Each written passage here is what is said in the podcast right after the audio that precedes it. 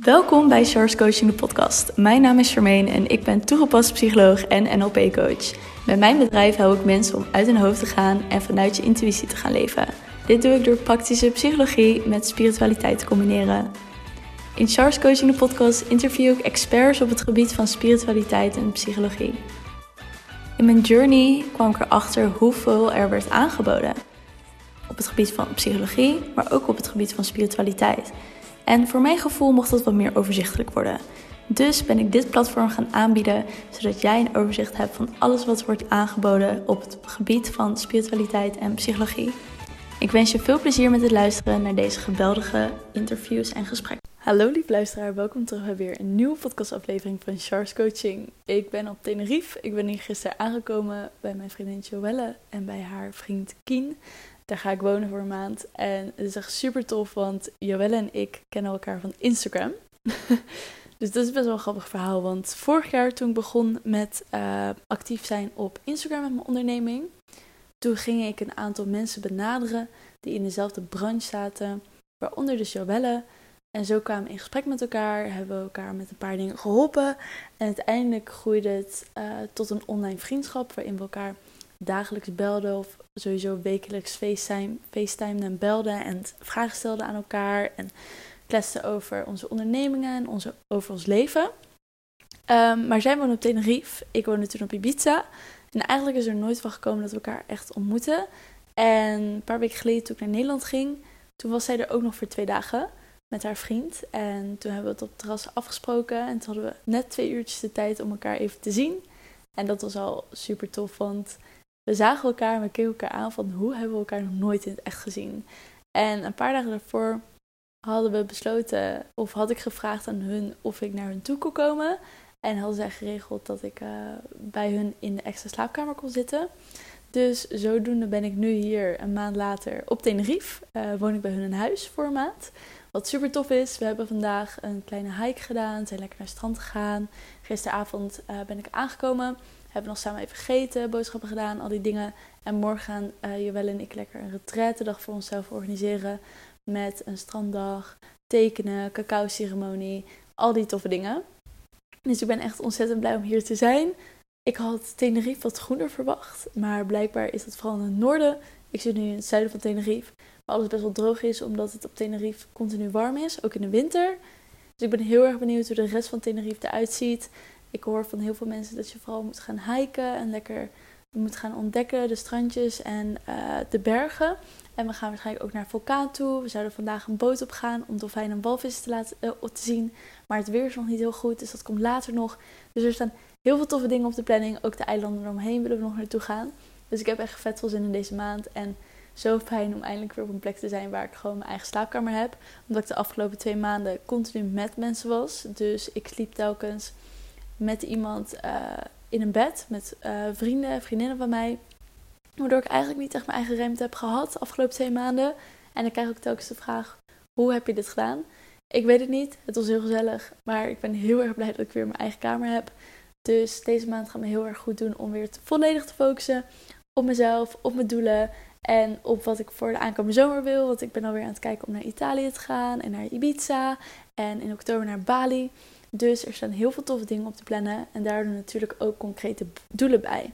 En de podcastaflevering van vandaag gaat over iets dat ik besefte op het moment dat ik hier net was gesetteld en in Berlijn was en toen hier naartoe ging en bezig was met mijn doelen, mijn persoonlijke doelen, mijn bedrijfsdoelen, uh, wat ik wil betekenen als persoon in de wereld. En ik was daar een beetje kaartlegging aan het doen en over aan het journalen. En toen kwam er iets in me op.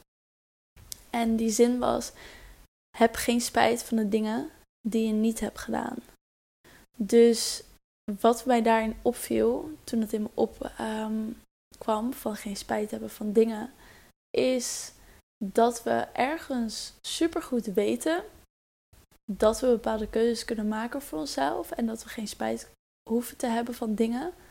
Maar toch kiezen we ervoor om te zeggen: ja, maar wat als? En ik weet het niet. En nu is alles zo fijn. Nu is alles prettig. Zo was ik dus vorige week ook in Berlijn bij een vriend van mij. En uh, die heeft net een vaste baan. Was eigenlijk net gaan, nog gaan reizen. maar die zit nu heel erg vast in een stuk. Blijf ik hier in deze vaste baan of ga ik er nog net uit zodat ik niet gewend ben aan dit, uh, deze maandelijkse loon, zodat ik nog kan reizen? Of ga ik wel zo ver mogelijk nog verder werken, uh, mezelf omhoog werken in deze vaste baan, zodat ik meer verdien en langer weg kan? Dus er komen steeds meer, steeds meer vragen op uh, welke keuze de beste keuze is. En ik zal je vertellen dat je nooit weet wat de beste keuze is. En wat echt kan echt, maar dan ook echt gaat helpen om een betere keuze voor jezelf te maken, is te leren vertrouwen op jezelf en je intuïtie. Want onze intuïtie, die weet vaak het antwoord zonder dat we zelf al wisten. Of zonder dat we een logische verklaring voor hebben. Zo pak ik hem weer terug ook op mijn eigen ervaring. Vorig jaar, oktober, besloot ik dat ik op wereldreis wilde gaan. Dat ik mijn kamer ging opzeggen. Dat ik niet meer terug ging naar Nederland. En dat ik op Ibiza ging blijven. Dat is niet iets wat 1, 2, 3 gebeurde. Ik heb daar echt twee of drie maanden over getwijfeld. Uh, wellicht iets langer. En op een gegeven moment was, had ik er weer een gesprek over met mijn moeder. En toen voelde ik gewoon, ik moet het gewoon doen. Ik voelde het in mijn hele systeem. En het was zo helder en duidelijk van, doe dit nou. En ik had het ook in mijn uh, mushroom ceremonie voor traumatherapie. Uh, daarin kreeg ik ook heel helder door van, je moet dit gaan doen. Je gaat niet meer terug. Je gaat reizen. Je moet dit gaan doen. Echt waar. En je bent er telkens blind voor, omdat je niet de, de gevolgen kan inzien van die keuze. Want ik wist niet wat er ging gebeuren als ik mijn kamer ging opzeggen en als ik ging reizen. Wat ik wel wist wat er zou gebeuren als ik terug ging naar Nederland, is mijn veilige haven en mijn, in mijn comfortzone en mijn vrienden die ik daar had en alles. Dus die was helder, maar wat er zou gebeuren als ik ineens een andere keuze zou maken, dat wist ik niet. En vaak kunnen we dan ook niet inzien wat het ons uh, oplevert als we dus niet die keuze maken. Dus stel je voor, als ik dus niet had besloten om te gaan reizen, dan had ik in mijn hoofd er telkens een illusie van gemaakt hoe het had kunnen zijn als ik wel dat besluit had gemaakt. En had ik misschien een soort van schuldgevoel gecreëerd of me vastgehouden aan die illusie om dat schuldgevoel te vermijden, uh, zodat ik door kon gaan met hetgene wat ik al deed. En dat was mijn leven in Utrecht en daar alles opbouwen. En dat is een stukje van geen spijt hebben van dingen. Is vaak denken we dat we op dat moment de juiste beslissing nemen omdat het de veiligste keuze is op dat moment. Of omdat we denken, vooral het stukje denken, dat het de veiligste keuze is. Maar vaak is dat één grote illusie, omdat we niet weten wat er aan de andere kant op ons te staat. Omdat we het vertrouwen, het geloof en het geduld er niet voor hebben om die keuze op zijn eigen manier te laten groeien en ontwikkelen. En ik heb gemerkt wat voor mij zo erg helpt, is gewoon vertrouwen op mijn intuïtie, snappen hoe de universele wetten werken, hoe de wet van aantrekkingskracht werkt. En vanuit daar weten dat op het moment dat ik iets aanvoel en daar een keuze in maak en sterk weet wat ik wil en waarom ik het wil, dat de hoe vanzelf gaat komen. En dat het zich vanzelf gaat creëren. En daar had ik vorige week met iemand in Berlijn ook een vet mooi gesprek over. Deze jongen wilde, wil DJ, DJ zijn. En ik zei ook zo van, oh tof. En weet je al hoe dat eruit ziet? En hij zei ook, Char, ik heb geen idee wanneer het gaat gebeuren, hoe het gaat gebeuren. Maar ik weet dat het gaat gebeuren. En daar hou ik me aan vast. En ik stel mezelf open om het te ontvangen, om de mensen, het netwerk, de gebeurtenissen, om daar me intuïtief in te laten leiden. En dan weet ik gewoon dat het goed komt. Het, ik weet niet wanneer, ik weet niet hoe, maar het komt goed. En dat weet ik. En dat is het belangrijkste. En oh, ik, ik hou zo erg van die instelling, want dat is gewoon hoe het werkt. En als je op die manier je leven doorheen gaat, wordt het leuk, wordt het simpel, wordt het een avontuur. Want je vertrouwt dan zoveel op jezelf en op het proces van de dingen die je aan het creëren bent, dat het niet uitmaakt wat er gebeurt of hoe het gebeurt of wanneer het gebeurt. Want je weet dat het gaat gebeuren en dat het op de beste mogelijke manier naar je toe zal komen. En op het moment dat je daarin leert te vertrouwen, dan ga je ook niet meer dingen overdenken. En dan ga je ook ophouden met, ja, maar wat als? Maar ik heb dit, maar ik heb dat. En oh nee, maar ik weet niet hoe dit gaat aflopen.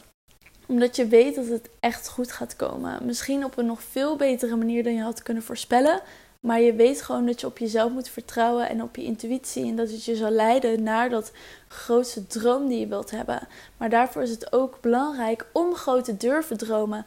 Om groot te zijn, om groot te denken. Want op het moment dat jij een droom hebt en je bent telkens de droom kleiner aan het maken, dan heb jij die intentie van wat je daadwerkelijk wilt niet concreet en helder neergezet. Waardoor het proces er naartoe ook niet helder gaat zijn. Want eigenlijk weet je helemaal niet wat je wilt. Dus dan ga je spijt krijgen van iets wat er niet eens eigenlijk is, omdat je niet eens durft groot te dromen. En we zijn vaak bang dat, dat die pijn. We zijn wezens die proberen pijn te vermijden. En we zijn bang dat de pijn van onze dromen die niet worden waargemaakt, dat, dat, of dat die dromen niet gaan zijn zoals we denken, dat dat groter is dan onze dromen niet ja najagen. En daar zit het hem ook in. Dat we bedenken dat we op deze manier onszelf veilig stellen en dat we angst ontwijken en dat we pijn vermijden. Maar we maken die pijn en angst nog groter dan het eigenlijk was. En wanneer je dat gaat doorhebben, dat stel je voor, als jij kiest voor een relatie met iemand aangaan en eigenlijk durf je jezelf niet open te stellen want de angst dat diegene jou pijn doet is zoveel groter dan jezelf openstellen voor liefde. Dan kan je dus liefde met die persoon niet op een, een ehm, intense manier ervaren zoals je had kunnen doen, doordat je angstig bent. Terwijl als je die relatie sowieso aangaat, weet je toch wel dat je pijn wordt gedaan. Dus je kan hem beter aangaan met de meest intense en mooie, mooiste liefdesrelatie die je ooit hebt kunnen hebben. En vanuit daar dat er inderdaad misschien iets gebeurt wat pijn doet. Maar dan heb je wel de, het meeste eruit kunnen halen. En de meeste liefde eruit kunnen halen. In plaats van dat je het niet aangaat of half aangaat door die angst. En dat je alsnog wordt pijn gedaan. Maar met het idee van ja, maar als ik deze angst laat heersen, dan is de pijn minder. Nee, dat is niet zo. Die pijn is er sowieso wel.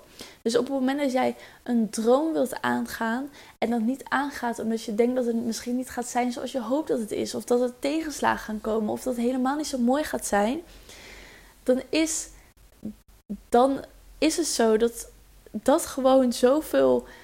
Hoe ga ik dit in goede woorden vertellen? Op het moment dat je dus die droom niet aangaat, is die pijn nog groter dan dat je hem wel aangaat en gewoon omgaat met de consequenties die er zijn. En wat ook het verschil is, op het moment dat jij een droom hebt en gelooft dat jij die droom aan kan en jouw visie en intentie en gevoel daarbij heel helder hebt, heel concreet, vertrouwen hebt, geloof hebt, weet hoe, eh, hoe je proces in gang gaat door je intuïtief te laten leiden dan komt het vanzelf wel. En dan zal je elke tegenslag ook gaan zien als een leerproces. Als een stukje waaruit je weer iets weer kan meenemen in plaats van iets wat je weer tegenhoudt om verder te gaan in dat proces. Dus ga geen spijt hebben van dingen, omdat op het moment dat je dingen uitstelt, dan denk je: ik ga het volgend jaar doen, ik ga het over een paar maanden doen, ik ga het doen wanneer ik dit heb, ik ga het doen als het zo zit. En op een gegeven moment ben je 50, 60, misschien zelfs 80. En denk je, waar is de tijd gebleven? Ik dacht dat ik alle tijd van de wereld heb, En kijk hoe snel de tijd voorbij is gevlogen. En dat is echt zo. En op het moment dat je dus jezelf vragen gaat stellen als... Waar zou mijn 30-jarige, 25-jarige, 40, 40-jarige, 50-jarige versie dankbaar voor zijn dat ik die keuze heb gemaakt of dat ik dat heb gedaan? Wat is dan het antwoord daarop als je echt eerlijk naar jezelf toe zou zijn? dat je wel die stap hebt genomen om naar het buitenland te gaan of te gaan reizen of die promotie te pakken of die baan op te zeggen en het gewoon te proberen. Want hoe saai is het eigenlijk als we geen angst hadden? Dan was alles, dan kostte niks moeite en dan hadden we ook nooit kunnen ervaren hoe wij als mensen kunnen groeien en hoe we terug kunnen kijken naar iets en kunnen denken: durfde ik dat toen niet? Kon ik dat toen niet? wow, dat kan ik me zo niet meer voorstellen. Dus omarm het ook als iets super moois. Dat je gewoon telkens jezelf weer nieuwe dingen kan meegeven en leren en stappen kan zetten. En stop met geen actie ondernemen of in je hoofd blijven zitten of vanuit angst handelen, want angst is puur een raadgever. Het komt je iets vertellen. Dat er iets is waar je aan mag werken. Dat er iets, echt, iets is waar je inzichten uit kan krijgen. Of iets is waar je stappen in kan zetten. En op het moment dat je daarin je mindset verandert en het op een andere perspectief, een andere manier gaat bekijken, kan je het ook veel makkelijker omarmen en accepteren. En zul jij op je tachtigste of al op je derste of veertigste kunnen zeggen: Holy fucking shit, dat dit mijn leven is, dat ik dit heb gedaan. Dit is nog mooier dan ik ooit had kunnen dromen. En ik kan het uit ervaring zeggen, want mijn leven op dit moment is mooier dan ik ooit had kunnen denken. En er komt gewoon nog steeds zoveel moois uit. En ik weet dat als ik zo meteen 30 ben of 80 ben, dat ik heb kunnen zeggen: Holy shit, I did it. En ik heb nergens spijt van dat ik het niet heb gedaan, want ik heb me puur laten leiden. Ik ben er puur voor gegaan. En ik wil jou dat ook meegeven om dat gewoon te doen. Dit is your wake-up call. Ga het doen. Ga het doen, want het gaat je zoveel opleveren. En het is een cliché, je hebt maar één leven. En hoe wil je daarop terugkijken? Wil je daarop terugkijken van, oh ja, zo'n oude, zorgreinige vrouw of man die dan zegt, ja, als ik vroeger jouw leeftijd had, dan had ik dit en dit en dit gedaan. Had ik dit en dit en dit willen doen. Ik heb zoveel spijt dat ik dit en dit en dit niet had gedaan. Fuck that. Dat, dat, zo ben jij niet. Anders luister je niet naar deze podcast. Dus ik weet dat je het kan. Ga ervoor. Als je er vragen over hebt of nog een aanmoediging nodig hebt, stuur me dan een DM. At Coaching. En dit is je, je wake-up call om gewoon actie te gaan ondernemen. En gewoon de persoon te zijn die geen spijt heeft van de dingen die ze niet heeft gedaan of hij niet heeft gedaan.